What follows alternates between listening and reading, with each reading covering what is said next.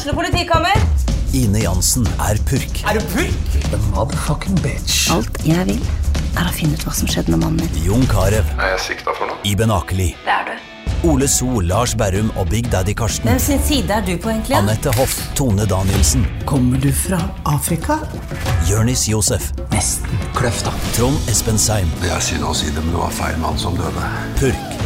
Premiere tirsdag på TV2 Play.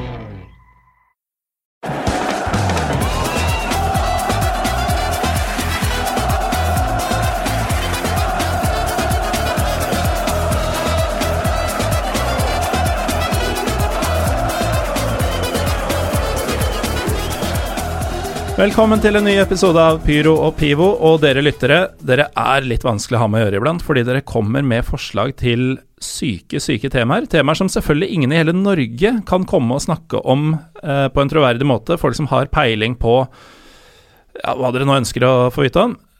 Men en gang iblant så skjenkes vi en gudegave i form av en eh, melding gjennom Twitter eller Facebook. Eh, vi har en Facebook-profil, forresten. Instagram osv., hvor det er en eller annen fyr som ikke bare ønsker at vi skal snakke om et tema, men som lanserer seg selv som en potensiell gjest. Kypros er f.eks. et land som vi gjerne skulle hatt en episode om, men det finnes jo ingen her i landet som Vent nå litt. Andreas Kyriako, velkommen til deg. Ja ja, tusen takk. God kveld. Er en uh, liten uh, lifesaver for vår del, fordi våre egentlige planer denne uka de falt i fisk for ca. 30 timer siden. Mm. Og for ca. 24 timer siden, helt uh, ut av det blå, så dukka det opp en melding i innboksen min hvor du skrev at du er litt irritert over at folk tror Hellas og Kypros er det samme, og som kypriot så vil du gjerne fortelle litt om hva Kypros er. Ja, definitivt. For nå nærmer seg Norge Kypros, da. Tenkte jeg å sende inn en melding om det. Ja, For det er jo veldig viktig at man altså gjør folk klar på at faktisk det er to forskjellige land, da, og at Kypros har jo hatt sine resultater ute i Europa noen ganger nå. Fotball-Europa, og så vekket oppmerksomhet. Så kom jeg fra Kypros eh, Jeg kom tilbake til Norge på lørdag etter hvert litt over to uker. Og da hadde jeg jo sett eh, tre kamper også, og tenkte jeg passa bra da, å foreslå. Men jeg hadde ikke visst at det kom til å bli allerede i kveld, da. Men det, det går greit, altså. Så ja for det det, var kult. vi, vi kan jo si med en gang at uh, som lyttere kanskje kommer til å merke, forhåpentligvis ikke, så er vi ikke forberedt noen av oss, for dette er ganske på sparket. Uh, men du er altså så kypriotisk at uh, du um, har skrevet en bok Ja, som, det stemmer. som jeg nå fysisk holder i min hånd, som heter How to become a Cypriot man. Ja. Det er jo en litt sånn morsom selvhjelpsbok, da, for hvordan man skal bli en kypriot, da. Hvis man vil leve det middelhavet-livet. Hvordan bli en gresk sexgud, står det på baksiden. Ja, det er en sånn blanding. Det er mye over the top og sånt. Det er jo selvfølgelig alt mulig rart. Man skal nyte alkohol og damer, stranda, fotball selvfølgelig. fordi jeg er fotballgale. Og det Så- tenkte jeg var relevant nå. Det å være en kypriotisk mann, det er å være en mann som lever drømmelivet, altså. Ja, det er vel egentlig det. Som drikker, treffer damer og ser fotball. Os og øl, og selvfølgelig eh, ja, musikk også, da. At man er sånn opptatt av alle de som mange menn syns er de viktige tingene, da. Jo, men nå, nå er jeg solgt. Nå skal jeg bli en kypriotisk Ja. mann.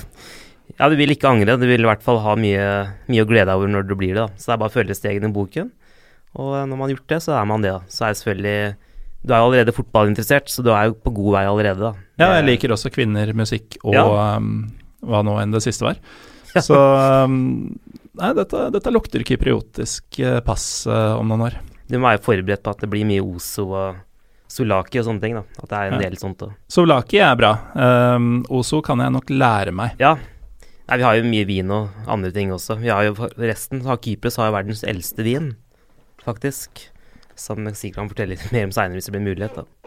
Det er en mulighet akkurat nå. Ja, det er nemlig noe som heter Commandaria. St. John Commandaria. Jeg vet ikke om du har hørt om det før. Men det var Det er fra 1100-tallet eller noe sånt.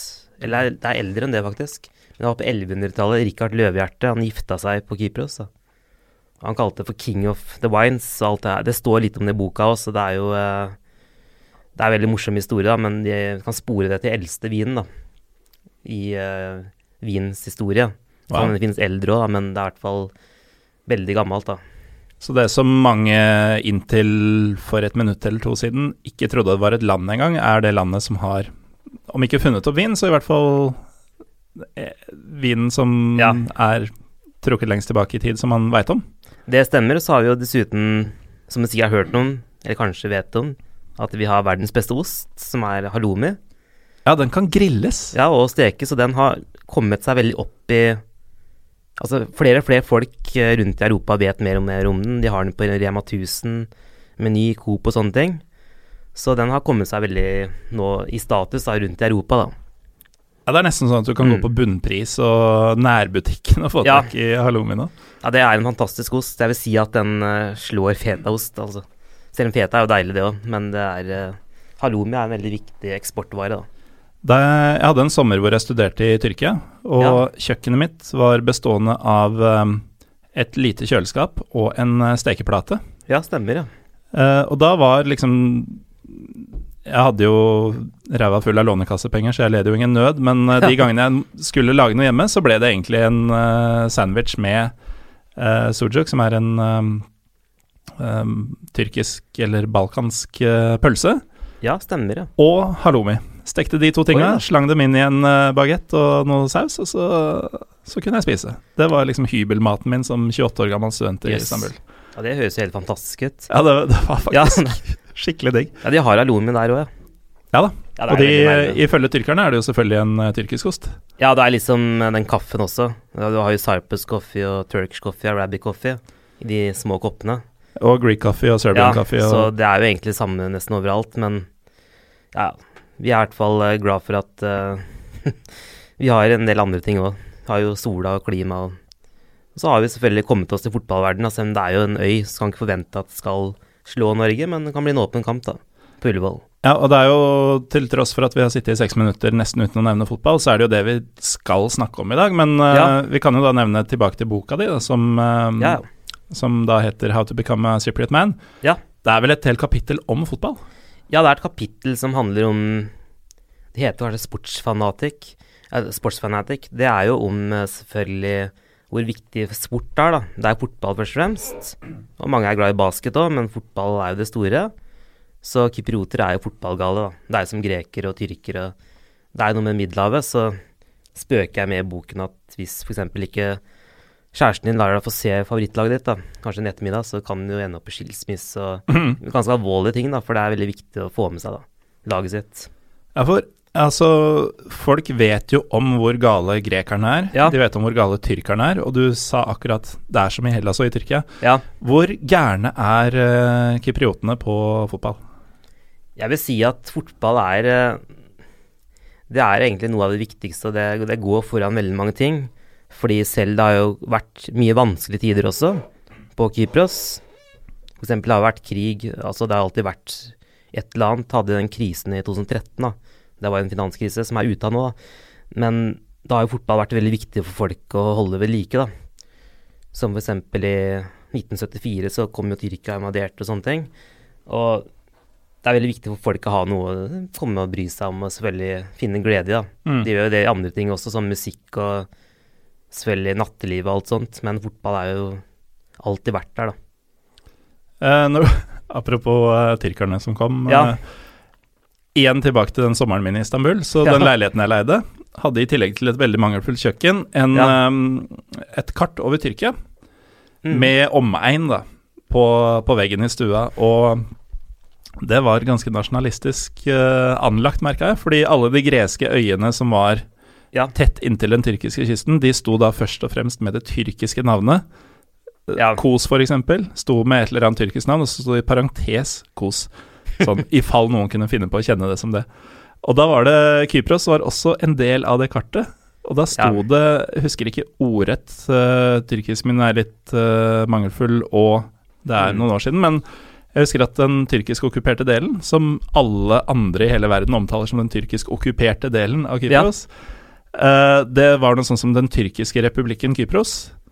Mens eh, Mm. den greske delen, hvis man skal kalle det det, um, det var da det, det gresk om, greskdominerte området på Kypros, eller noe sånt.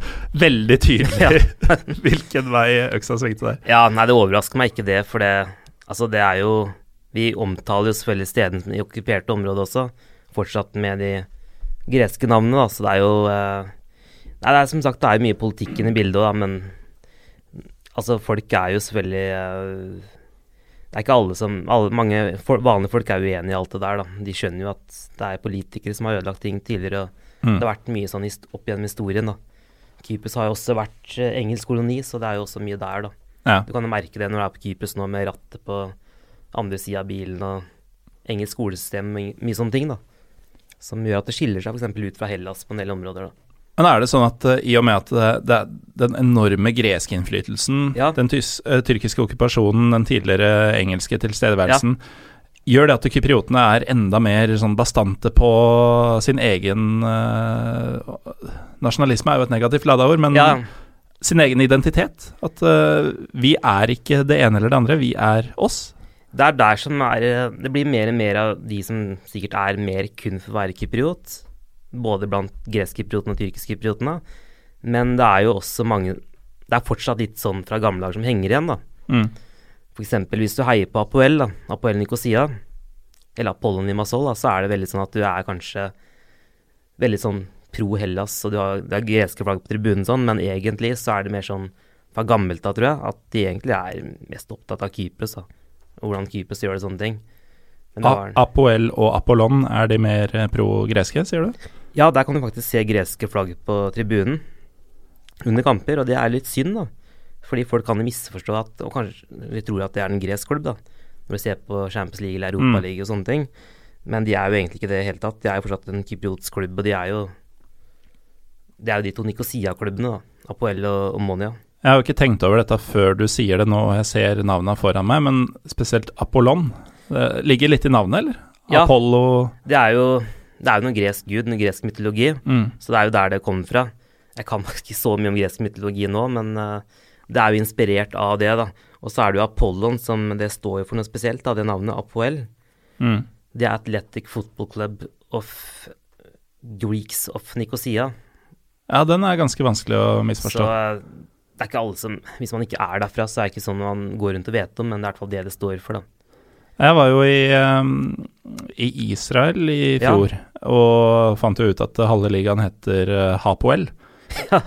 Og har jo senere funnet ut at uh, Hapoel er en um, slags organisasjon på venstresiden. At Ja, de aller fleste Hapoel-klubbene har da en slags rot i arbeiderklassen, yes. eller arbeiderbevegelsen.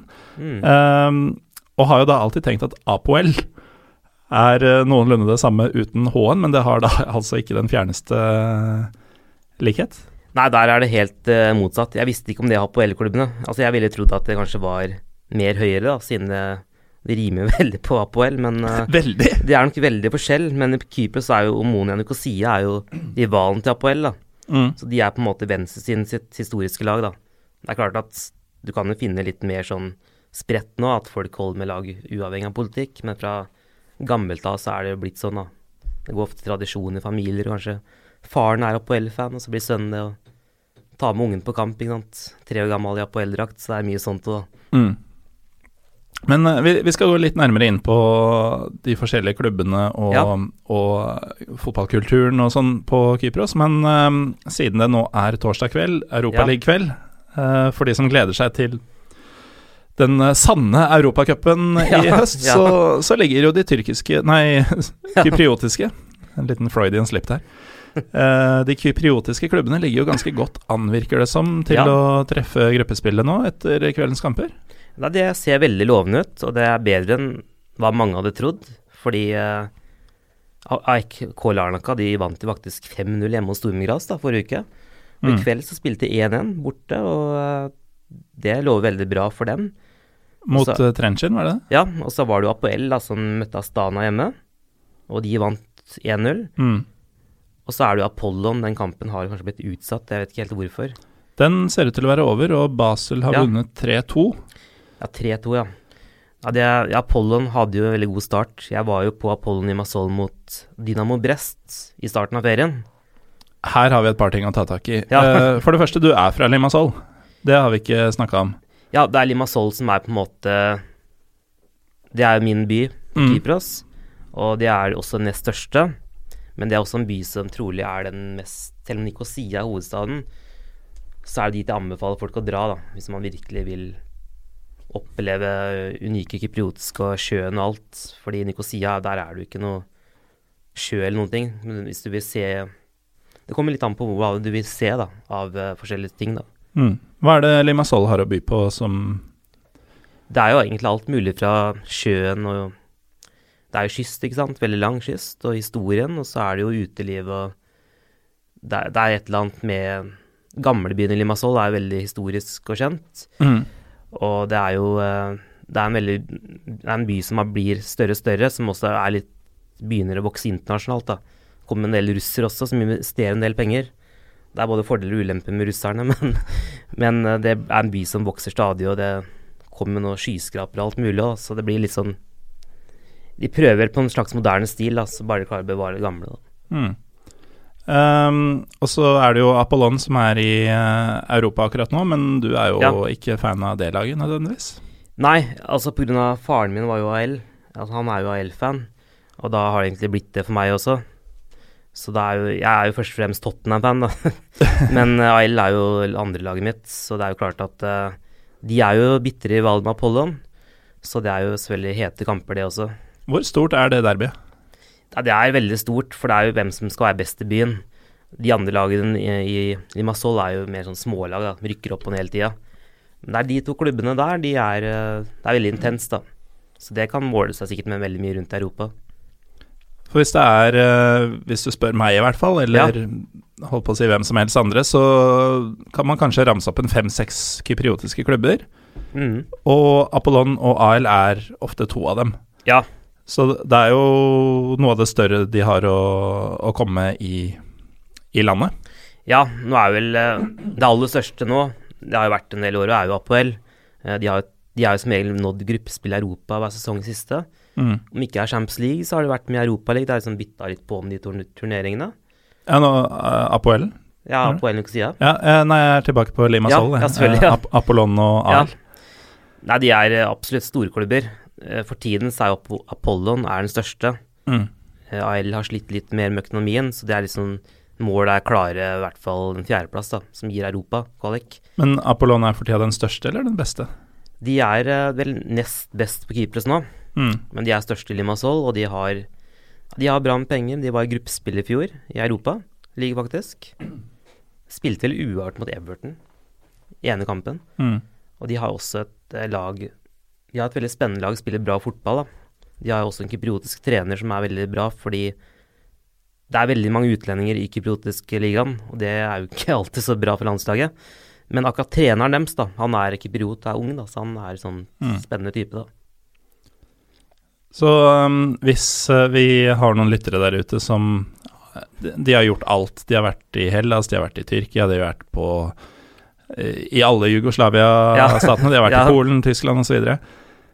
Er det AL Apollon de bør velge hvis de skal uh, ta en match, i, uh, match på Kypros?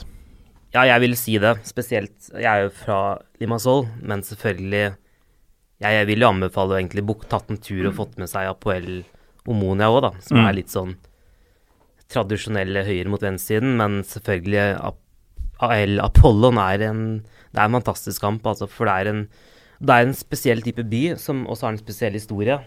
Og når de to eh, barker sammen, altså, blir det veldig intenst, og det er eh, alltid dramatikk og røde kort og straffer og Hvor stor er stadion og tilskuertallene i de møtene? Sånn roughly? Det pleier å være fullt. Nå er det slik at det er et spesielt problem med den stadion. Den ble bygd på 70-tallet. Og den har nemlig eh, De Ja. deler, eller? Ja, de deler den sammen med en annen klubb som heter Aris Limassol. Jeg vet ikke om du har hørt om Aris Tessaloniki. Om jeg har, da. Så dette er Aris Limassol, da. De er ikke like store som Aris Tessaloniki, men de har eh, De spiller også kampen sin der. Mm. Og det pleier alltid å være fullt i derbyene, men nå har det vært en eller annen greie på Kypros med veldig mye vold blant fans. Og det regjeringen vil, er å skaffe ID-kort. Å nei! Så mange er veldig imot det. Den Og- tyrkiske varianten, Ja. altså? Så forrige sesong så var det flere kamper det ikke var så mange tilskuere. Eller det var tilskuere, ikke som det pleier å være. Bortsett fra på Derby så er det fullt uansett, men det er veldig sånn Det er mange som ikke liker det, da. Det er mer eh, Ja. Håper å si familiene kommer fortsatt, mens de du drar for å oppleve, holder seg hjemme?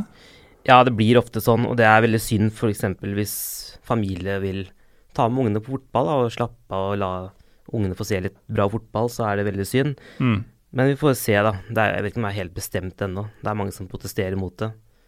Så når jeg var på kamp forrige uke, da, i Nikosia, så var det sånne lapper på alle setene om de ID-kortene. da, Mm. At folk skulle signere og protestere mot det. Ja, og hvordan føler du stemninga her? Altså, jeg har jo egentlig De kampene jeg har vært på, har jo vært sånne Europaliga-kvaliker som, som regel. Og da er det veldig bra stemning. Altså, for jeg var på AL Masol i fjor, i uh, Europaliga-kvalik. Det var ikke det at det var fullsatt stadion, for vi møtte et lag fra Luxembourg eller noe sånt. Eller så Mhm. var det Nei, Gibraltar var det. Sankt Josef. Enda verre? Vant de 6-0, da. Men uh, den fansen som var der, lagde bra stemning. Det var kjempebra. Så det, det var kult, det. Og så er det selvfølgelig Det var veldig mye folk forrige uke også, mot eh, Hapoel, da. Da var det en liten gruppe israelske fans der, og jeg trodde det kom til å komme flere derfra. For det er ikke så langt unna, men eh, Nei, for da det sto på som verst under intifadaer og sånn, så spilte Ja. jo ofte israelske lag hjemmekamper i anførselstegn på ja. Det var blant annet mot United Champions League for mange Mm. år siden. Makabi Haifa med Ja. Ayegbeni Yakubu. Ja, stemmer det. Ja, Det er helt glemt at han også var med, men eh, det stemmer. Det var vel på GSP stadion, som er nasjonalstadion nå. Og Der skal jo Norge spille i november 2019. Det er jo returoppgjøret i Nations League, da. Men du var altså på match eh, Du var på tre matcher nå, Ja. sa du, i sommer. Eh, skal vi ta dem i tur i orden, Ja, kanskje? det Hvordan opplevelsene var? Første jeg var på, det var jo Det var jo Apollo Nimasol mot Dynamo Brest. Det var jo Europaliga-kvalik. Ja. Fikk du noe glimt av eh, Diego? Ja, jeg skulle til å nevne det. Altså, jeg tror ikke han var der i det hele tatt. Det var heller ikke noe snakk om det. Fordi han hadde vært på noe helsebehandling, jeg er ikke sikker på hva det var. Og så var det rett etter VM òg, så jeg tror han var opptatt, altså. Det er så Diego, altså. Jeg hadde, jeg tror han ville likt seg på Kypros, for Mm. det er jo litt sånn Jeg tror argentinere ville like seg her, da. Det er noen spillere som er derfra oss, og jeg tror han ville satt veldig pris på det. Kanskje litt for mye natteliv for han, da. Holde, holde seg unna. For de som eventuelt lurer, eh, og i så fall så må du skamme deg, men ja. Diegoen vi snakker om er da altså Diego Maradona, som har fått en eller annen slags rolle i Dynamo Brest fra Hviterussland. Ja. Er det trener, eller er han maskot, eller hva er det han egentlig er? Kunne kanskje vært maskot hvis du så han under VM, men sånn som jeg har forstått det, så er det styreformannen eller Ja, eller det, det er noe syke greier. Jeg skal jo til Hviterussland om uh, Ja. halvannen måned, og da skal jeg prøve å etterforske dette så godt jeg kan. Ja, det er en veldig interessant story, det der. Som hele tilfellet med med Diego Maradona, men Ja. nå er vi jo her for å snakke om eh, Kypros. Så um, hvordan var matchen mellom Apollon og Dynamo? For det første kan jeg jo nevne at kampen, den så jeg ikke i Limassol, men i Nicosia. Selv om Apollon Masol var hjemmelaget. Og det er en litt spesiell greie, det der, som egentlig er veldig trist òg. Fordi hvis det er europaligakamp, eller europakamper, da, og Limassol-laget er involvert, så kan de ikke spille kampene i Limassol. Fordi stadion, den har ikke moderne nok eh, flomlys, eller hva det er, til å ha kveldskamper, da. Er det lysa det står på? Ja, det er ikke et selve sitteplassene. Det er ikke sitteplassene, ikke VIP-fasilitetene, det er for mørkt. Rett og slett. Og det er greit hvis det er hjemme i serien, så har det ikke noe å si på det. Men Uefa de godkjenner det ikke. Og det har vært sånn del år nå at Limassol-lag, da, hvis de skal spille kvalik, så må de spille enten Nikosia eller Larnaca. Så det er egentlig veldig synd, for de mister en hjemmebanefordel. da. Ja, det gjør de jo. Men uh, jeg har jo hatt inntrykk av at uh, den kypriotiske ligaen er mye bedre enn den bør være, i og med at det bor en million mennesker Ja. i landet. Og ser jo, når jeg ser på en lagoppstilling i ny og ne, at det er mye Mm. importer. Jeg tenker jo at det er en del penger i fotballen. Og hvorfor i all verden bruker de ikke noen av de pengene på noen lamper? Ja, heldigvis nå så har det skjedd noen endringer. Fordi altså regjeringen på Kypros er jo veldig involvert i sånne ting. Det er jo lite land. De er med og avgjør veldig mye. Altså de bestemmer veldig mye, da. Så det som skal, de gjør nå, at de bygger en sånn intim stadion for Limassol, da. Som er rett utenfor byen. Som eh, de tre lagene skal bruke. Og den vil bli eh, godkjent da for Uefa-kamper. Så det kommer til å endre seg. Mm. Det har bare tatt litt tid, men eh, jeg vet ikke hvorfor. Men presidenten, han er jo fra Limassol, da. Og Apoel-fan, forresten. Så han har bestemt nå at stadion skal bygges, og det er jo det er på vei, altså. Da slipper du å dra til Nikosia og Larnaca og spille kampene. Det er ikke langt å kjøre, men fortsatt, vi må spille på sin egen bane. Da. Ja, det det er jo Altså, for motstanderen så er det bortekamp på Kypros uansett, Ja. men for dem så er jo dette et sted hvor de er vant til å spille bortekamper i ligaen. Det er jo det. Mot en ganske intens motstander også. Så det kommer seg jo Apollon var jo gruppespill i fjor i Europaligaen, og det var ekstra imponerende, da, med tanke på at de må spille Mm. europakampene på andre baner, da. Og det må de selvfølgelig nå også. Ja, de må dessverre det. Så uh, tapte jo nå, men de har jo allikevel hatt noen gode resultater. De slo et bosnisk lag borte også. Så det er jo et godt lag, da. Det er det.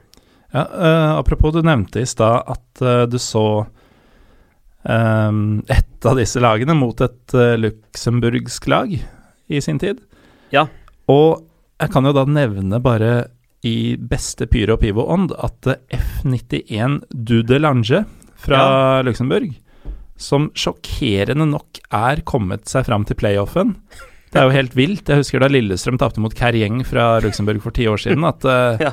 vi var the laughing stock of Europe, liksom. Det var ikke grenser for hvor latterlig det var å ryke mot hvem som helst fra Luxembourg.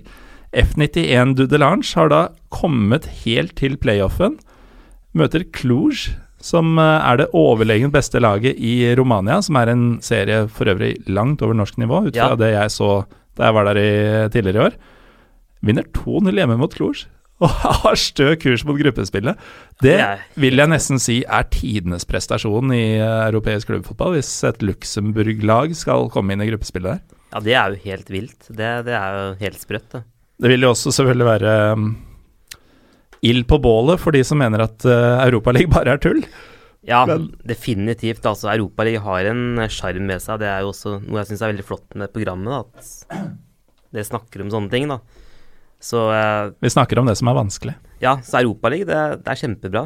Jeg er personlig veldig glad for at Tottenham ikke lenger spiller der, men, men selvfølgelig, for mindre nasjoner, det er fantastisk. Det er kjempebra for Kypros også. Så Ja, det ikke sant? Kypros, Luxembourg Europaligaen er er- uh, inkluderende. Ja, det er, det er underholdning, og det er, det, det er jo noe med torsdagskvelden og Europaligaen. Altså, det er jo det at hvis du ikke er interessert i fotball, da, så Mm. får du ikke med deg de der magiske ukekveldene, kanskje en kald vinter. Men det får du jo hvis du liker fotball, og da, er jo Europaligaen veldig viktig, da. Mm. Eh, men du var da på Apollon Limassol mot Dinamo Brest. Um, Ja. Hvem var det som gikk videre her? Da var det Apollon vant 4-0. Det burde egentlig blitt mye mer. Jeg er litt overraska over at Dynamo Brest ikke var bedre. Ikke pga. Maradona, men de slo ut et gresk lag runden før. Mm. Atromitos slo det ut. Og de har, kommet vid eller de har kommet hit i en Ja. liga som har Bate, f.eks., som Ja, jo er en internasjonal slager. ja, stemmer, ja. Så det var litt overraskende at de ikke klarte bedre, men det er sommer og sånne ting, og kanskje ikke de var Mm. helt satt, da. Det er veldig varmt å spille, du må ta drikkepauser på Kypros, de kan ha vært satt ut av det, men det var en veldig bra kamp, da. Underholdning. Det var det absolutt. Og så gikk turen til uh, nytt stadion og ny match. Ja, neste kampen, det var ikke helt planlagt, men det var jo Aili Masol. Det var eh, en treningskamp, rett og slett, på en veldig, veldig liten stadion i Limassol. Veldig gammel stadion oppe i et eh, byområde, for det er jo en by som er veldig stor. De har mot et lokalt lag, da, der de vant 5-6-0. Mm. Det var kun sånne Die Hard-fans som var der. Det var det er sånn nesten steintribune, bare. Og en liten kiosk der folk kjøper iskaffe. Og så var det lokale fans som hadde med barna sine. Det var, det var gøy, da. Jeg kan høre nå, mens du snakker om denne, dette stadionet og denne treningskampen, at uh, supergroundhopper Marius Helgå, som har vært med her et par ganger, han sitter og sikler i sofaen eller bilen eller hvor han er uh, mens han hører på dette. Ja. Nei, det er absolutt noe å få med seg hvis du er groundhopper, men det er, de har ikke tribune på andre sida. Men det er en sånn klubb som rykker opp og ned hele tida, så skal ikke forvente så mye. Mm. Men det var interessant da, å få med seg sånne kamper også. Det første er, på, er i Kypros. da. Og kamp tre, Ja, det var jo akkurat en uke siden. Det var jo Apoel mot Hapoel. da Hapoel Beersheva Ja, så da var det Det ble 2-2 i Israel. Apoel leda 2-0. Og eh, det som var greia da, var jo at vi måtte vært veldig tidlig ute. Fordi eh, Apoel-fans Det det spilles i byen deres alt. og Det er jo vanvittig mange som møter opp, da. Så det er du må Det er litt av en stemning før kampen òg. Da det er virkelig en opplevelse jeg anbefaler hvis man er på Kypros, å dra på Apoel også, fordi eh, det er vel kanskje den mest lidenskapelige fansen. De, de, man hører det jo også i Europa, da. Så det var virkelig noe som var eh, kult å dra på. Selv om man kanskje nå er på Kypros kan gjøre masse andre ting også. Men jeg anbefaler da å stikke og se fotballkamp, altså. Jeg tror jo nettopp det at um, Nå har jo jeg fått et visst rykte på meg, nå skal ikke dette handle om meg, men uh, jeg har jo vært en del steder og sett fotball som som andre ikke har vært, verken for å se fotball eller ikke. Og så er det noen steder som alle har vært, Ja, uh, som jeg aldri har vært. Uh, og jeg tror veldig mange av de som sitter og hører på, har uh, vært på Kypros og gjort veldig mange av de andre tinga man kan gjøre på Kypros, Ja. annet enn å se fotball. Jeg har ikke vært der selv, men eh, hvis jeg skulle dratt, helt klart, så hadde Ja. det vært i fotballsesongen. ja, absolutt. Og hvis du drar om sommeren, da, så kan du jo være heldig at du får med deg sånn som Europaliga-kvalik eller Champions League-kvalik, da. Da får du virkelig posesekk, altså. Ja, Sydenferie og Europaliga. Det er liksom det at mange som drar til Kypros, de drar jo veldig ofte til Det er jo Ayanapa, Feature Bay og de typiske turiststedene. Og da får du ikke med deg alt det her, da. Hvis, men hvis du er i Limassol Nikosia så kan du få med deg veldig mye sånn eh, Ja, kypriotiske ting, og selvfølgelig fotballen, da. Og Larnaca òg, da. Så vi ikke glemme dem. Men hvis- du er på Aya Napa f.eks. Ja. seint i juli, og det er en europaligakamp Ja. i eh, Larnaca eller Nikosia, hvor vanskelig og hvor lang tid eh, vil det ta å komme seg dit?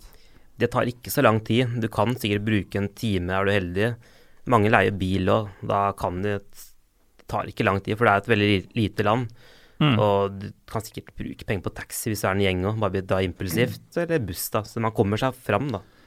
Det går absolutt an å gjøre det òg. Så moralen er ikke dra på sydenferie til Kypros med kona og ungene. Dra dit med kompiser. Ja, eller I tilfelle det er ball. Ja. Nei, Kypros er jo et sted som du kan ta alle mulige ferier, om du har romantisk ferie med kona eller et eller annet, men fotballtur, det tror jeg man kan få mange bra opplevelser på det. Virkelig. For det, det er jo litt det jeg kanskje vil få fram òg, at man faktisk kan ta sånne turer dit. da. Mm. Uh, men det var da din siste um, Kypros-tur med de tre matchene. Vi må snakke litt om de klubba som folk har hørt om. Vi har vært så smått innom det Ja. eh, tidligere. Du nevnte at det er en politisk forskjell mellom Apoel, som for meg, ut fra det du har sagt, framstår som den største klubben Ja. i landet, og eh, Omonia, som også er fra Nikosia. Mm. Um, hvordan er uh, ja, Nikosia-fotballen? Hvor, uh, hvor store er disse klubbene, og hvem er hvem? Det er vel kanskje tradisjonelt sett de to største. Eller Omonia har ligget nede med brukket rygg og sånn, fordi de har mye gjeld. De har slitt veldig. De har, de har jo ofte vært en storklubb og brukt mye penger. Men de er jo de to som på en måte Det har alltid vært høyt nivå og sånne ting. Så de har jo vanvittig lidenskapelige fans, da. Så jeg kan jo nevne det at Omonia spilte treningskamp mot Panathinaikos nå i sommer. Mm. Rett før jeg kom, da. Og da var det 9000 på bare treningskampen. 9000 mennesker. Og det var visst en veldig bra stemning da, på den. Ja. Og da vant, 9000 på Ja. en treningskamp? Da vant Omonia 1-0. Pantanaikos, som du vet, ligger jo nede litt nå. Mm. De har jo mye gjeld, og det er jo så vidt de klarer seg. Men det, det var sikkert noen Pantanaikos-fans der òg, fordi mange kyprioter har jo greske lag òg. Men det var 9000, altså. Så det er veldig bra til å være en eh, kamp midt på sommeren i den varmen. Mm. Og vi var jo litt innom Apollon Isle-derbyet. Ja. Hvor, hvor heavy er Apoel Omonia Eller hvor undervurdert, kanskje, er Apoel Omonia? For uh, de som sitter og hører på, som har hørt oss uh, fable om uh, Beograd-derby Ja. og diverse. Jeg vil si at faktisk så det burde få mer oppmerksomhet. Du ser jo heller altså Tyrkia er naturligvis mye med på sånt, og selvfølgelig Serbia og alt, men jeg tror Kypros det kan, står egentlig ikke til eh, bak, i hvert fall når det gjelder topplagene. For vi har sikkert sett Apoel i la oss si Champions League, Europaliga, og de har spilt på Stamford Bitch og sånne ting. Mm. Så hører f.eks. Apoel-fansen mer enn Chelsea-fansen, da. Så de har jo på en måte De har jo fått et rykte rundt i Europa, det har de. Og uh, hvor fortjent er det ryktet? Jeg vil jo si at uh, det er jo ganske fortjent sånn sett, men det er jo alltid noen tullinger blant dem som skal lage bråk og kanskje være litt sånn idioter. Det er det de prøver å stenge ut med ID-kortene, da. Mm. Men de har jo mange normale fans også som lager vanlig stemning, så det er jo ikke noe Det er ikke noe fare, men selvfølgelig det kan jo bli bråk mellom supportere kanskje før de møtes til kamp, sånn som i Hellas og kanskje Tyrkia og sånne ting også. Viktig spørsmål det kom jeg på i forbindelse med folk som planlegger turer eh, Ja. ned. Er det alkoholservering på stadioner på Kypros? Faktisk så er det ikke lov å drikke på tribunen, men det er jo mange som kanskje møtes før og tar seg en øl sammen, f.eks. i England, da. Utafor stadion? Ja, Eller det som er mer vanlig, er jo at man Det som er veldig stort i Hellas og Kypros, er jo det å drikke fra P og Freddy Espesso, som er iskaffe, da. Så det er egentlig det folk står og drikker, vet du.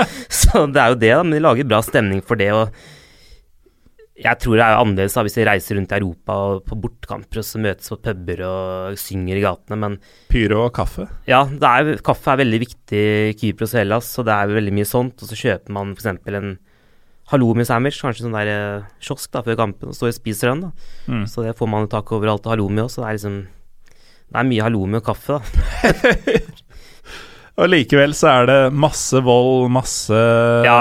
Altså, det, det er jo tifor, det er pyro, det er Ja, ja. all galskapen som du håper å si forventer fra den delen av verden, men som kanskje blir litt overraska over at kommer fra en så uh, Hva skal vi si? Folk har jo et veldig positivt forhold til Kypros, som de kanskje ikke alltid har til storbyene i Hellas, og ikke minst i Tyrkia eller på Balkan, eller uh, gamle Jugoslavia. da. Så ja. Ja, man, man blir kanskje overraska uansett, da, hvilken innfallsvinkel man har. Ja, jeg vil tro det. Altså, det er ikke noe skummelt for en helt vanlig person å reise ned til Kypros og dra på kamp, da, men hvis du er en stor Omonia-supporter i Lapoel, da du er tungt involvert i miljøet, Mm. kanskje du ofte går i drakta, folk ser det, så kan det hende at du kanskje Da må du passe på, men da skal du være veldig tungt inne i miljøet, tror jeg. Det er klart at de har sine puber de møtes og drikker alkohol på før kamper, de, de også, og samler seg og synger. Mm. Eh, for eksempel i Aten så er jo ikke akkurat det lureste å gå rundt i en drakt i sentrum, da, i tilfelle du treffer noen fans av i et av Aten-lagene. Så sånn kan det være litt kanskje i deler av Nikosia også, da. Så det er den klassiske sunn fornuft, Ja, så, så, går det, så går alt bra. Og Ja. så um, ha kameraet klart når du først er inne. Ja det er viktig å ta, ta bilder og videoer. Eller på den kampen mot Apoel, da, så var det jo til og med Det var jo små barn i Apoel-drakt som vinka israelerne hjem, da, satt sånn med henne. og- Men de som lagde mest eh, kvalme der, var jo faktisk Apoel-fansen, for de kasta sånne ja, bengalske lys, da, sånn røyker her på banen, da. Og Så da, Hapoel eller Apoel? ja, Apoel, de gjorde det. Da ble det litt sånn oppbrudd noen minutter, da. Apoel eller Hapoel? Ja, Hapoel. Hapoel Ja, kasta. det var forvirrende der, altså. Jeg skjønner det hvis man ikke kjenner til lagene. Altså. Men altså, israelerne var de som kasta bluss? Ja, det var de som kasta. De var ikke store i gjengen, men de lagde faktisk overraskende bra stemning. Og når de gjorde det, så da ble det jo veldig høylytt da, blant Mm. Apoel-fansen. Fordi jeg, de sa fra. Blant Apoel-fansen. Ja, Ja. Apoel, ja. Dette er kanskje det vanskeligste jeg har vært med på i løpet av noen av 70 episoder med Byrå og Pivo, er å skille det vi snakker om akkurat nå. Men Hapoel-fansen fra Israel kasta Ja. bluss, og Apoel-fansen fra Kypros svarte.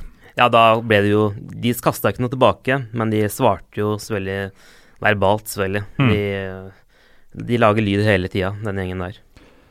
Eh, og da har vi jo vært innom både AL og Apollon fra Limassol, og Ja. Apoel og Omonia fra Nikosia. Ja, Det er et par lag til jeg kjenner til, og du har nevnt Larnaka by et par ganger. ja, AEK, eller AIK? ja. Det er jo byen som største flyplassen ligger i, som mange sikkert har hørt om pga. flyplassen. Der er jo AIK. Det er et lag som har vokst der med siste årene. Det er ikke egentlig en storklubb tradisjonelt. Egentlig veldig ny klubb også.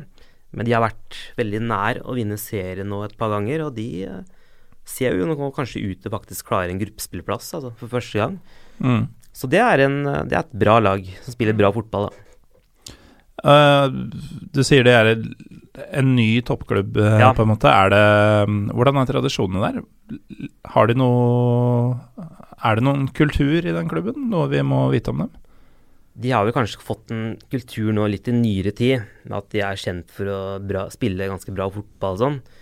Men de har ikke samme kulturen som Apoel, Monia eller Apollo da, og Anortosis. Mm. Men de har vært i Europa så vidt noen ganger. Jeg husker på midten av 90-tallet, det var 96, da. Så var vi på en høstferie på Kypros. Og da var det gamle cupvinnercupen, som AK Larnaka faktisk hadde klart å komme seg inn i kvaliken til. De hadde vunnet cupen, da. Og da skulle de spille kamp mot Ja, det var mot Barcelona, faktisk. Og da var eh, Guardiola spilte vel muligens den kampen. Ikke Ronaldo, han spilte ikke, men eh, det var AK, mot Larn, det var AK Larnaca mot Barcelona, da. Det var en kvalikkamp, da. Og da ble det 0-0, men de tapte jo i Spania. Mm. Det var jo interessant, da. Det er jo rimelig heavy å få 0-0 mot eh, Barcelona, nesten uansett Ja. årgang. Og som kypriotisk klubb som litt sånn Ja. førstereisprega og sånn. Og kypriotisk fotball på 90-tallet, det var eh, mye dårligere. Nå har jo lag kommet seg med Europa på, eller var jo i kvartfinalen i 2012 i Champions League. Og de eh, Det har jo selvfølgelig tatt store skritt. da. Akkurat som Island har jo tatt store skritt på landslagsfotball. Mm. Så har Kypros gjort måte det via klubbfotball. da. Ja, når vi sitter og ramser opp disse klubbene, Ja. så er det jo sånn Jeg tipper at de som hører på, tenker at ja, det er et kjent navn fra europacupene. Det er et kjent navn fra europacupene. Ja, de har gjort gode kamper mot det og det laget. Ja. Hvordan har den kypriotiske ligaen blitt så god? For det er jo nesten Man blir jo mer imponert over det kypriotiske laget gjør for tida enn greske og tyrkiske. Ja, nei, nå er vel både greske og tyrkiske vært Det er én million med. mennesker på Kypros, liksom. Ja, det er jo egentlig nesten ikke en million engang, men det er jo rett og slett Det er jo litt det med investorer og folk som bruker penger på det, sånne rike eiere. Bruker, det er jo litt sånn at uh, Apoel er jo, er jo en rik klubb. Det er jo samme her i Apollon også. Anartosis har jo vært mye opp, uh, oppe, de også. Så de har, har investert riktig og faktisk uh, satsa bra da, og kommet seg en vei med det. Og klart faktisk å finne riktige spillere. Men fortsatt, man skulle tro at uh, ting var veldig i orden, men de sparker fortsatt trenere som bare det, da. Så Mm. trenerne må ofte gå, men de klarer likevel å hevde seg og fornye seg hver sesong. Så er det spesielt det, men uh, Og så er jo det at de kjøper mange utenlandske spillere. Det er klart at det har litt å si, det òg. Og det er både synd og bra, da. Så er det den klassiske um, middelhavsformelen. Ja. Altså investorer, utenlandske spillere, Ja. høy interesse minus temperament ja. er lik den suksessen man eh, ender opp med. Det er jo det, og selvfølgelig, jeg tror at Apoel kunne jo vært enda bedre enn kunne vært enda bedre i dag enn det de er. Hadde de kanskje gitt trenere mer tid, som han grekeren Jorgis Donis, da, som trener på Atenaikos nå. Har fått sparken et par ganger, vunnet serien et par ganger. Men det er veldig kort tålmodighet, da. Er det han Donis som spilte for Blackburn eh, på 90-tallet? Ja, skårte jo et uh, sykt mål på midten av 90-tallet for Blackburn. Så han har trent Apoel et par ganger, da. Så det er samme fyren, ja. Hmm.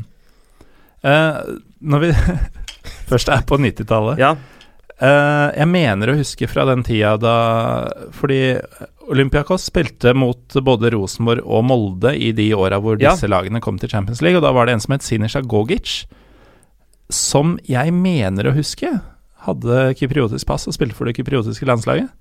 Ja, han var faktisk eh, serber. Og jeg tror han gifta seg med en kypriotisk dame eller noe annet. Og han, så dukka han opp på landslaget og spilte der. Han var jo innom Olympiakos òg, faktisk.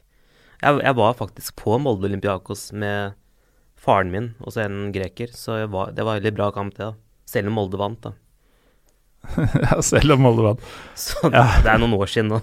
Jeg tror aldri jeg har omtalt en av mine opplevelser i mitt fotballiv Ja. som positiv, til tross for at Molde vant. Det sånn, Ja. Hvis Molde har vunnet, så er det dritt uansett. ja, jeg skjønner det som Lillestrøm-fan, så er det sikkert sånn. Ja, men det, er ikke bare som Lillestrøm-fan, tror jeg. jeg. Jeg har et ekstra horn i siden til Molde.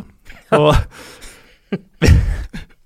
For de som hørte Europaliga-kvalifiseringsguiden i uh, tidligere i sommer, som vi uh, vel gjorde Molde-supporterne til noe mindre enn de var, trodde vi, da vi sa at tre stykker kommer til å dra til uh, Island for å se Nei, til Nord-Irland for å se Molde. Sendte endte med å være to. Så vi har jo rett da når vi sier Ja. at Molde er ganske Ja. Jeg skal stoppe der. Fordi de to som fortsatt hører på, vil jeg gjerne beholde. Hei, jeg Stefan. skjønner jo det. Eh, men eh, det, det er jo litt eh, Litt morsomt på sett og vis at vi sitter og prater om hvor god den kypriotiske ligaen er. Samtidig som både den greske og tyrkiske, som vi kommer stadig tilbake til, men det er jo storebrødre på, på begge sider, og på stort sett vondt, vil jeg tro. Litt godt muligens, men det er jo egentlig dere som rocker av de tre nå, ut fra forutsetningene. Ja, jeg vil jo si det, fordi mange tror jo egentlig Så mange folk antar at kanskje Kypros, da Altså, de ser opp til Hellas, men jeg vil si at egentlig så er det kanskje ikke sånn. Fordi eh, de har Ikke bare for å snakke om fotball, da, men Hellas er jo fortsatt inne i en veldig dyp krise med finanskrise. Mm. Og Kypros er jo ikke der. De hadde jo en krise i 2013 som de er ute av, så det går bedre. Og selvfølgelig det er jo ikke sånn at alle er tjener bra og kan gjøre hva de vil, men det er bedre generelt sett. Da, så, det er, så det er ikke sånn at man skal se opp til Hellas lenger, føler jeg. Som kypriot um, Nå har jo finanskrisen i Hellas vart i hva er det, tolv år? Kom vel i 08 eller 09? Jeg, Ja, ok, det har i vært veldig lenge, da. Uh, mens deres kom i 2013, og dere er ferdig med det. Ja, men det kom seg faktisk ut av kriseprogrammet ganske raskt. Det var litt sånn Kypros kom seg inn i krisen mye pga. Hellas og greske banker. da, forbindelse med det. Hadde det ikke vært for det, så hadde det kanskje unngått en del, men det var jo krise rundt hele Europa. Finner du litt sånn uh, barnslig lillebrorete glede i at uh, dere bare cruisa rett inn og rett ut, mens Ja, altså egentlig så føler jeg kanskje ikke det er Keeper skal være noe lillebror, egentlig, sånn, sånn sett, da. Selv om kanskje mange vil si det, men størrelsen har litt å si, da. ja, ja, størrelsen har litt å si på størrelse på land. Det er jo en øy. Hellas og Tyrkia er jo, er jo land med mange innbyggere. Nå har jeg ikke vært i Tyrkia, men jeg vil tro at veldig folk der er sikkert frustrerte over fotballen har stagnert litt, da, med landslaget òg, som tok bronse i VM for noen år siden. En del år siden òg, så at En halv generasjon siden. Ja, Hellas vant jo EM, altså to år etterpå. Og selvfølgelig det, så, det beste er jo om alle kan hevde seg å være gode. Det er det beste for kvaliteten og alt. Da. Det er jo kult med konkurranse. Men uh, ting går jo opp og ned. Plutselig så ligger jo kypriotisk fotball ned. og altså, du vet, De må jo klare å holde ved like og selvfølgelig sånne ting. Og så en annen ting er å satse på hjemlige spillere. da. At de må begynne litt med det òg. Men uh, for å holde på å si dra den eh, Dra den linja videre med finanskrisa ti år Ja. tilbake for eh, Hellas, så husker jo jeg for Det nærmer seg jo ti år siden nå at jeg så Anortosis være i gruppespill i Champions League. Så den uh, kypriotiske fotballoppturen, Ja. den ser jo ut til å vare. Det er jo ikke noe blaff lenger hvis, uh, hvis de har lag inn og ut av Champions League, Europa League i, eh, i et tiår. Ja, absolutt. Og jeg tror faktisk det er litt uh, undervurdert òg. Men Anortosis de starta det jo hele greia. Mm. Og de slo jo faktisk ut uh, Olympiakos i kvaliken. Og det her er litt uh, interessant, fordi uh, du klagde jo litt tidligere over at ditt AL blant annet må spille hjemmekampene sine Ja, i Nikosia, som ikke er deres by. Anortosis får jo ikke engang spille i sin del av øya, for Mm. Famagusta, som de kommer fra, den er jo en del av den tyrkisk okkuperte delen. ja. Eh, veldig imponerende at de fikk til det de gjorde. ja det er uh, ingen tvil om. Fordi uh, det var 1974 det, alt her skjedde, da. Da, mist, da ble jo halve Kypros borte, ikke sant. Så Tyrkia okkuperte. Så da måtte jo klubbene flytte, og selvfølgelig folk flytte, da. Og uh, Famagusta-folk og blant annet da, må jo bo rundt i andre byer. De er jo flyktninger i eget land. Mm. Så klubben ble jo også en eh, flyktningklubb. Og det er til og med fan, fans fra andre lag har jo brukt det mot dem Han har spilt rundt i Europa, til og med. Så det er litt spesielt det der, men at de også skulle være første laget fra Kypros til å liksom bryte den barrieren i Europa, er jo også veldig unikt. da. At det var dem som skulle gjøre det. Mm. Så Det er jo faktisk en veldig sånn fin historie, da. Hvordan er det andre lag har brukt denne flyktningstatusen mot dem? Ja, det var vel et eller annet engelsk lag som sang om at de var flyktninger. Jeg husker ikke hvilket engelsk lag det var akkurat nå. Engelskmennene, altså. Men ja, engelskmenn har jo sin del av skylden i det som har skjedd på Kypros. For det var jo Mm. engelsk koloni, og det var jo Kypros ville først frigjøre seg fra England ikke sant, på 60-tallet. Klarte det, men så kom Tyrkia på 70-tallet. Så England har jo hatt mye å si, òg. så selvfølgelig det er, det er veldig spesielt alt sammen. Da. Det er det virkelig. Nå er det jo sånn at uh, Norge skal møte Kypros om uh, bare et par uker, 6.9. Ja. her på Ullevål. Det stemmer.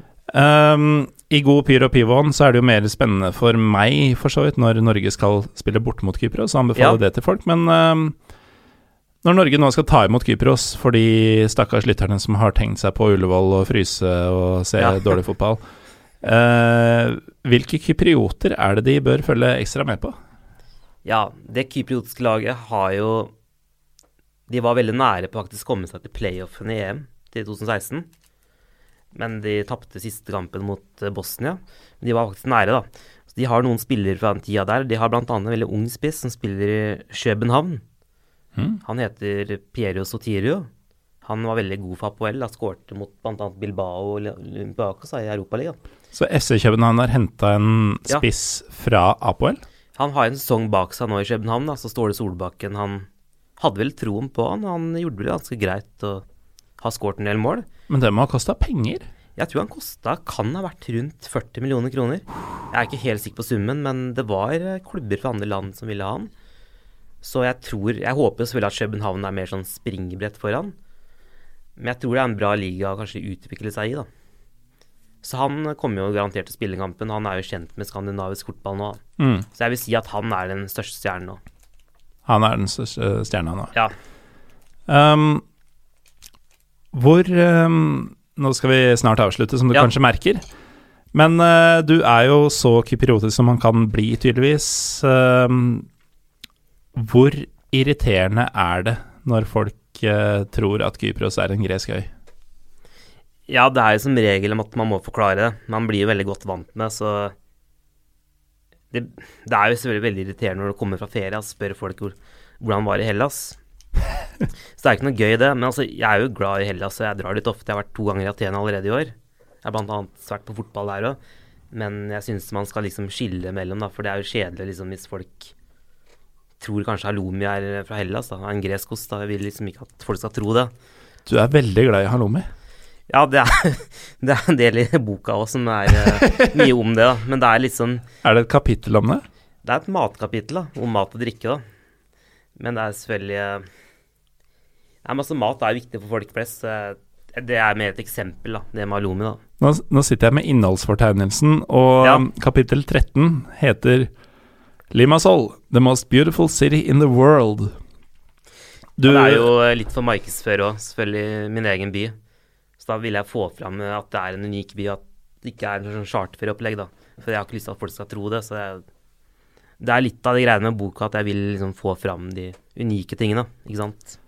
Men det jeg egentlig skulle fram til da jeg spurte om det med Hellas eh, mot Kypros, ja. Kypros, var at eh, du har vært så smått innom det, og vi snakka litt om det før sending. Mm. Veldig mange kyprioter har et lag i Hellas også. Ja, det er jo litt som jeg tror tyrkisk-kypriotere har jo som regel Så er kanskje jeg Galatasaray eller Fenerbahçe et tyrkisk lag. Mm. Og eh, med tanke på historien så er det veldig ofte sånn for kypriotere. Det er jo ikke alle som har det. Altså, det Du har det. Ja, jeg har jo et lag eh, Jeg har Olympiakos.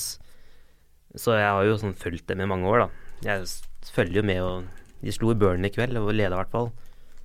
Så det betyr jo litt, det òg, da. Mm. Men uh, hvor, hvor dypt stikker det i forhold til uh, ditt forhold til uh, AL, f.eks.? Hvis, hvis de skulle møtes, Ja, hvor lett for deg hadde det vært å holde med AL? Jeg tror egentlig det, det ikke ville vært så vanskelig, fordi nå er jo Olympiakos har vært så mye i Europa uansett. Og de har jo Det er jo en rik klubb som har pengene. Så selv om ikke de spiller Champions League i år, så er det ikke noen krise for dem. Men for AL så ville jo det vært fantastisk, da. Det ville jo vært for en norsk klubb som aldri er i Europa, ikke sant. De pengene der, da. Så jeg, jeg ville jo holdt med AL definitivt. Så det er jo også Limassol jeg er fra, og ikke Aten, da. Så det ville vært lett Mm. sånn. Det ville jo. Men jeg, jeg merker at du, du må bryte litt med følelsene dine når du snakker om det. Det, det var ikke bare Ja. sånn automatisk AL. Nei, det er faktisk eh, Det er ikke så lett, egentlig, fordi Olympiakos har vært lettere å på en måte følge med også alle årene i Norge på TV og sånt. Champs League og alt det. Så Mm. det er ikke sånn uh, helt svart-hvitt. Sånn personlig for meg så er jo Tottenham nummer én, men selv om jeg ikke er engelsk, så det er en annen historie igjen, da. Men Men Ja. det eneste som mangler nå, er egentlig et tyrkisk favorittlag. For nå Ja. har vi snakka om eh, hvem som har eh, sin del av skylda for at eh, Kypros har hatt Ja. de problemene de har hatt. Og det, det er grekerne, det er tyrkerne, det er engelskmennene. Og du har favorittlag i to av de tre.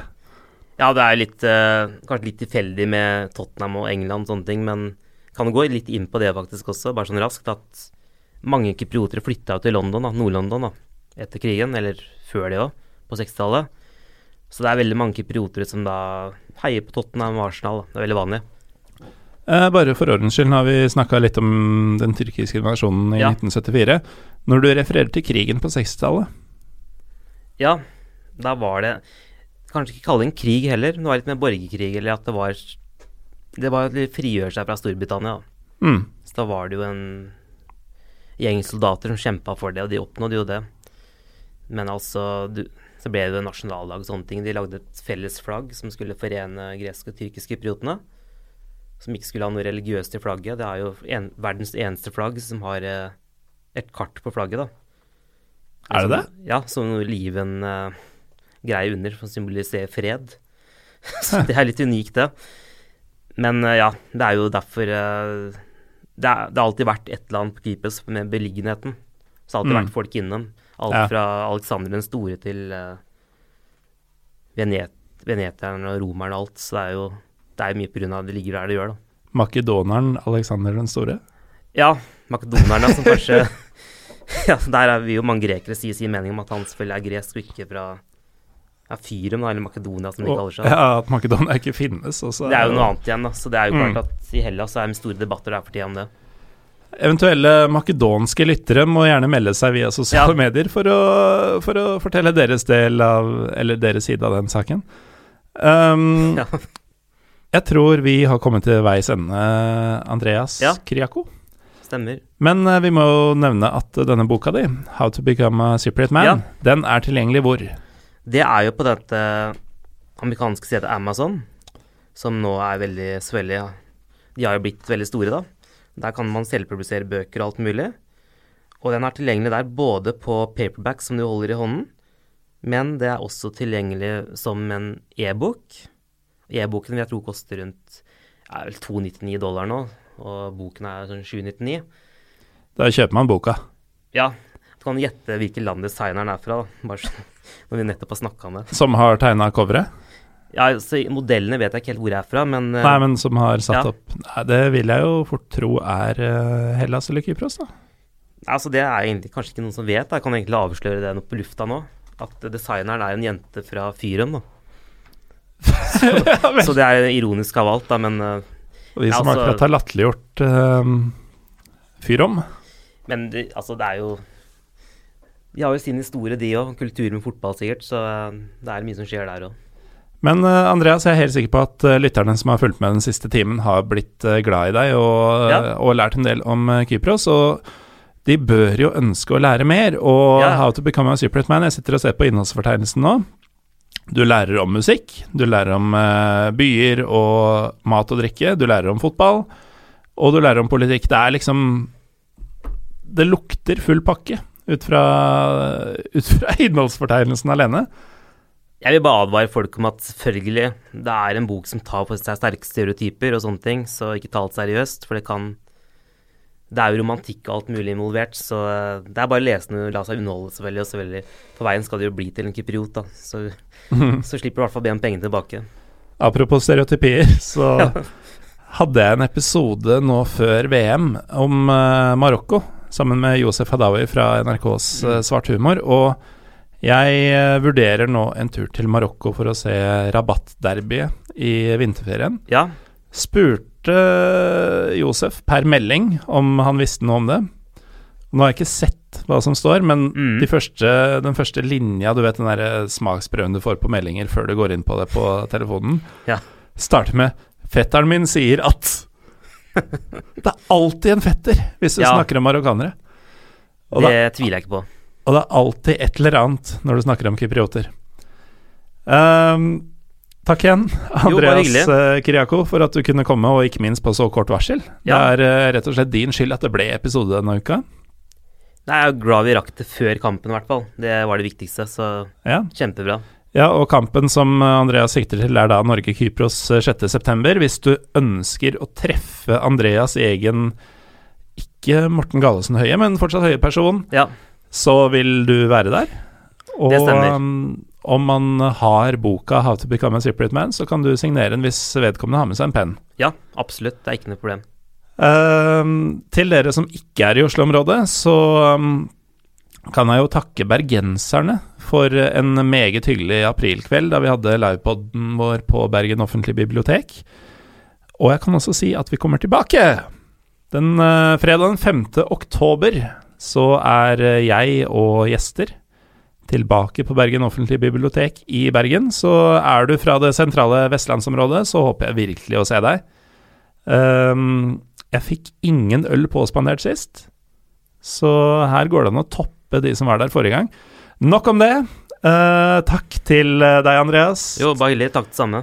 Takk til dere som hører på. Vi er Pyropivo Pyropivopod på Twitter og Instagram. Vi er Pyropivo på Facebook. Og vi er helt klart åpne for innspill, og vil du være gjest, så er det tydeligvis bare å sende melding. Shalabais!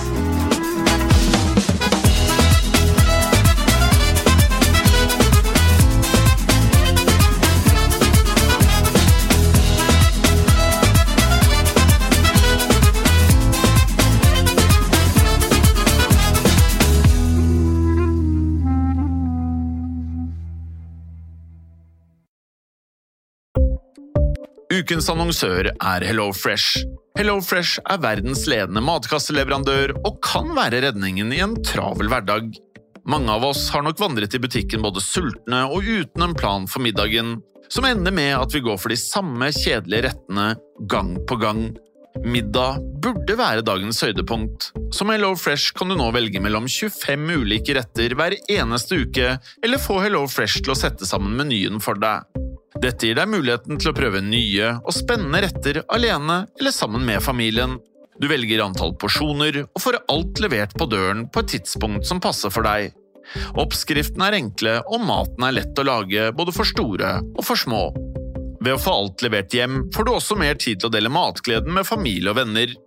Kanskje det frister med asiatiske tacos eller greskinspirert kylling? Da kan jeg anbefale deg om å gå inn på hellofresh.no. Her kan du bruke koden FOTBALL og få opptil 1779 kroner i rabatt på de første fem matkastene hvis du ikke har prøvd Hello Fresh tidligere. Du kan også bruke rabatten hvis du har vært kunde og stoppet abonnementet ditt for tolv måneder siden eller lengre. Gå inn på hellofresh.no og bruk koden FOTBALL. Har du et enkeltpersonforetak eller en liten bedrift? Da er du sikkert lei av å høre meg snakke om hvor enkelt det er med kvitteringer og bilag i fiken, så vi eh, gir oss her, vi.